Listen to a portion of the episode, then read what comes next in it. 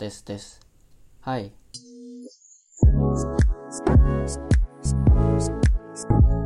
Assalamualaikum warahmatullahi wabarakatuh. Welcome to my podcast. Kenalin, nama aku Budi Rahman. Aku seorang mahasiswa di Universitas Lambung Mangkurat Banjarmasin.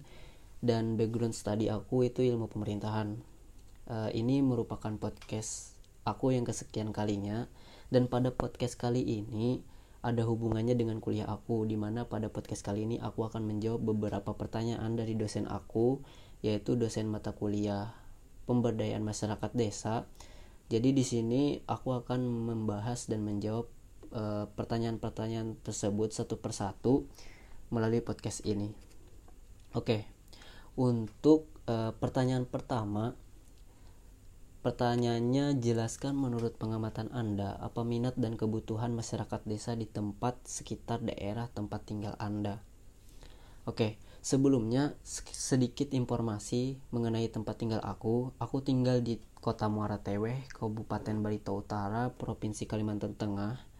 Berhubung di sini eh, ditanyakannya kebutuhan masyarakat desa di daerah aku, aku tertarik dengan salah satu desa yang ada di daerah aku, yaitu Desa Terahean di mana desa Terayan ini merupakan desa yang berada di Kabupaten Barito Utara, tepatnya di Kecamatan Teweh Selatan, yang jaraknya kurang lebih 17 km dari kota Muara Teweh.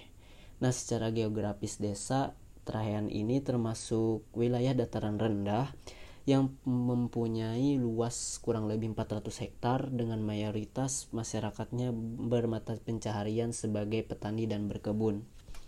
Nah, dari yang aku lihat, Desa Teraheyan terbilang uh, memiliki orientasi hasil panen yang cukup baik dengan hasil panen seperti padi, jagung, sayur-sayuran, dan karet.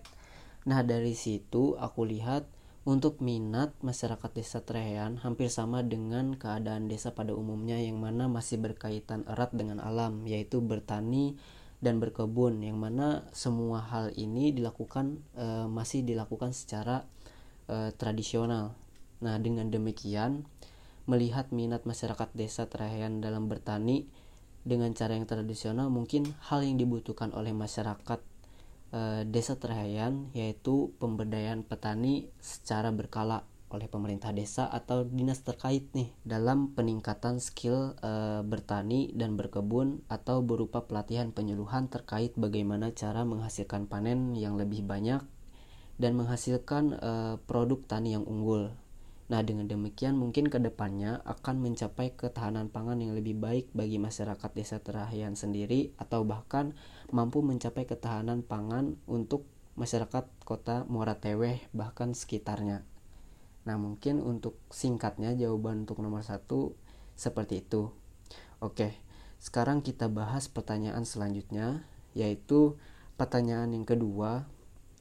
Pertanyaannya, pada suatu desa terdapat sumber daya alam kelautan yang berpotensi menjadi objek wisata, namun masyarakat desa tersebut belum e, memanfaatkannya untuk aktivitas pariwisata.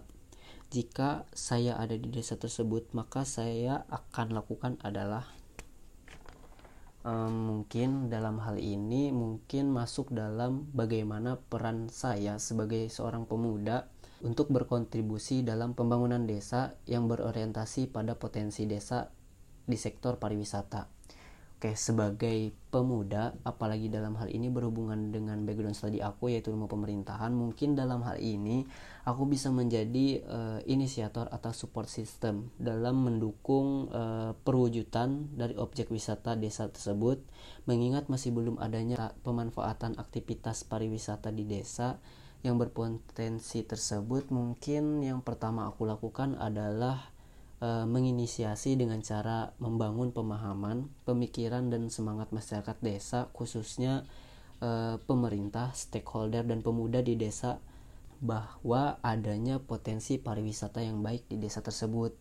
Nah, setelah terbentuknya pemahaman dan semangat e, oleh setiap elemen masyarakat dalam membangun objek wisata tersebut, tentunya akan mempermudah arah gerak perencanaan pembangunan objek wisata tersebut sesuai dengan peran dan porsinya masing-masing. Nah, dengan terbentuknya arah gerak perencanaan tersebut, aku sebagai pemuda bersama pemuda-pemuda lainnya yang ada di desa tersebut akan menjadi support system dengan artian berkontribusi dalam perencanaan hingga manajemen operasional pengadaan objek wisata laut di desa tersebut. Mungkin uh, itu sedikit uh, hal yang bisa aku lakukan apabila aku berada di desa yang memiliki potensi uh, wisata laut tersebut. Oke, okay, next uh, pertanyaan berikutnya yaitu pertanyaan ketiga. Pada suatu desa terdapat masyarakat yang sangat beragam, berbeda agama, berbeda suku, berbeda bahasa, dan berbeda setara sosial. Kemudian, pada suatu peristiwa, terjadilah konflik yang besar, yang mana antar masyarakat bertikai. Sebagai pemuda di desa tersebut, yang bisa saya lakukan adalah, nah, oke, okay, untuk pertanyaan ini mungkin uh, cukup sulit, tapi uh, sadar tidak sadar, setiap kehidupan masyarakat, khususnya masyarakat desa yang heterogen seperti ini, memang memiliki potensi yang cukup tinggi untuk terjadinya konflik. Tentunya e, hal yang sering melatar belakangi konflik itu terjadi dikarenakan berbagai perbedaan, mulai dari perbedaan agama, perbedaan suku, perbedaan budaya, dan perbedaan lain hal sebagainya. Dan sebagai pemuda, jika aku berada di desa yang terjadi konflik tersebut, kemungkinan sulit bagi aku e, untuk menyelesaikan konflik yang ada di desa tersebut dan tentunya memerlukan e, dari berbagai komponen-komponen masyarakat desa juga untuk menyelesaikan konflik yang ada tersebut. Akan tetapi sebagai pemuda di desa tersebut yang bisa aku lakukan yaitu sebagai menjadi uh, mediator untuk menyelesaikan konflik atau kesalahpahaman yang ada di antara masyarakat. Di sisi lain juga uh, sebagai pemuda kita juga bisa berperan nih dalam mencegah terjadinya konflik di antar masyarakat, di antaranya menciptakan kehidupan yang harmonis, yaitu menciptakan uh, circle kehidupan uh, bermasyarakat di antara masyarakat desa yang mana saling menghormati, saling menghargai, dan memiliki rasa toleransi yang tinggi. Nah mungkin uh, singkatnya untuk jawaban nomor tiga seperti itu. Dan berikutnya ini uh, adalah pertanyaan yang terakhir dan pertanyaannya seperti ini. Jika saya menjadi seorang presiden, amin, maka saya akan membuat program-program desa sebagai berikut. Minimal 5 program desa, jelaskan secara singkat, padat, dan jelas. Oke, jika aku menjadi seorang presiden, mungkin program-program desa yang akan aku bawa untuk saat ini yaitu yang pertama program Badan Usaha Milik Desa Bersama. Nah, program ini secara singkatnya pengadaan badan usaha milik desa sesuai dengan potensi desa masing-masing. Dalam program ini eh, tidak hanya berfokus pada pengadaan badan usaha milik desa, akan tetapi juga eh, berfokus pada pelatihan, manajemen, pengelolaan dan pengawasan badan usaha milik desa agar badan usaha milik desa yang ada aktif secara berkesinambungan. Karena e, hingga saat ini badan usaha milik desa yang ada di desa-desa kebanyakan e, terkendala dalam pengelolaan dan kurangnya e, sumber daya manusia sehingga sering vakum di mana untuk mampu membangun badan usaha milik desa ini diperlukannya e, pelatihan dan e, pengelolaan yang baik sehingga perlunya pengoptimalan di setiap tahap e, pengadaan badan usaha milik desa di setiap desa masing-masing yang ada di Indonesia. Next untuk program yang berikutnya, yang kedua yaitu program Easy Life.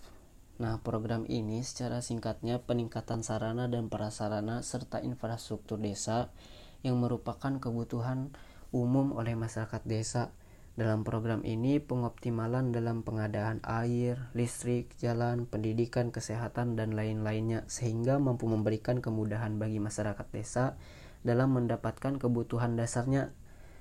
Nah, dan tentunya dalam program ini dilaksanakan sesuai dengan prioritas dan kebutuhan desa masing-masing. Nah, jadi program Isi Lab ini juga uh, dilatar belakangi karena Eh, kita ketahui saat ini masih banyak desa yang tergolong dalam desa tertinggal yang tentunya uh, kekurangan dari segala segi termasuk dari segi sarana prasarana uh, infrastruktur dan lain-lain. Jadi Melalui program Easy Life ini harapannya mampu membawa uh, pemenuhan kebutuhan dasar dan sarana prasarana untuk uh, masyarakat masyarakat desa yang ada di seluruh Indonesia. Oke, uh, berikutnya yaitu ada program produk unggulan desa atau disingkat dengan Prukades. Program ini singkatnya uh, berupa pemberdayaan yaitu pengadaan produk unggulan desa oleh masyarakat desa dengan harapan sebagai uh, ciri khas dari suatu desa sehingga menjadi daya tarik suatu desa dalam menunjang uh, peningkatan ekonomi masyarakat desa di mana dalam pelaksanaannya juga uh, produk unggulan tersebut menyesuaikan dengan potensi desa yang ada mulai dari sektor pariwisata, makanan dan uh, menghasilkan produk-produk lainnya. Untuk program berikutnya yaitu ada program Desa Sejahtera. Nah, secara singkat, program ini merupakan program bantuan sosial yang diberikan kepada masyarakat desa secara berkala dengan status sosial yang membutuhkan sebagai modal usaha sehingga mampu mengembangkan kewirausahaan dan meningkatkan taraf hidup melalui segi ekonomi. Nah, program ini juga uh, termasuk dalam upaya uh, program pemberantasan dan mengatasi kemiskinan yang ada di Indonesia.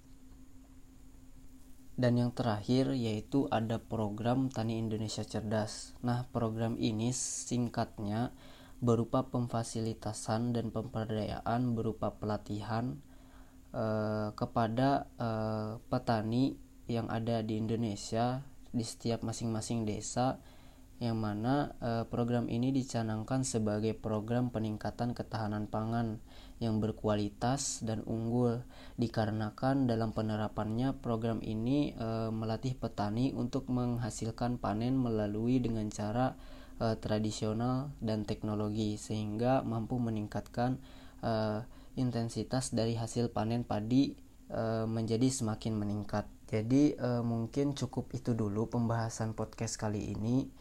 E, singkatnya dalam pembangunan dan pemberdayaan masyarakat desa, keterlibatan seluruh elemen masyarakat mulai dari masyarakat desa, pemerintah desa, pemuda, untuk mewujudkan desa yang maju dan berdaya itu e, diperlukannya sinergitas di antara seluruh komponen tersebut yang mana setiap elemen masyarakat tersebut e, memiliki peran dan kontribusinya masing-masing. Nah, kemudian harapan aku e, kepada teman-teman yang mendengarkan podcast ini Uh, semoga bisa membangkitkan semangat dalam membangun negeri yang mana uh, kita bisa mulai dari lingkungan terdekat kita masing-masing. Salah satunya yaitu sebagai pemuda di desa kita masing-masing. Jadi cukup sekian yang uh, perlu aku sampaikan. Salah hilap, mohon maaf. Wassalamualaikum warahmatullahi wabarakatuh. Bye.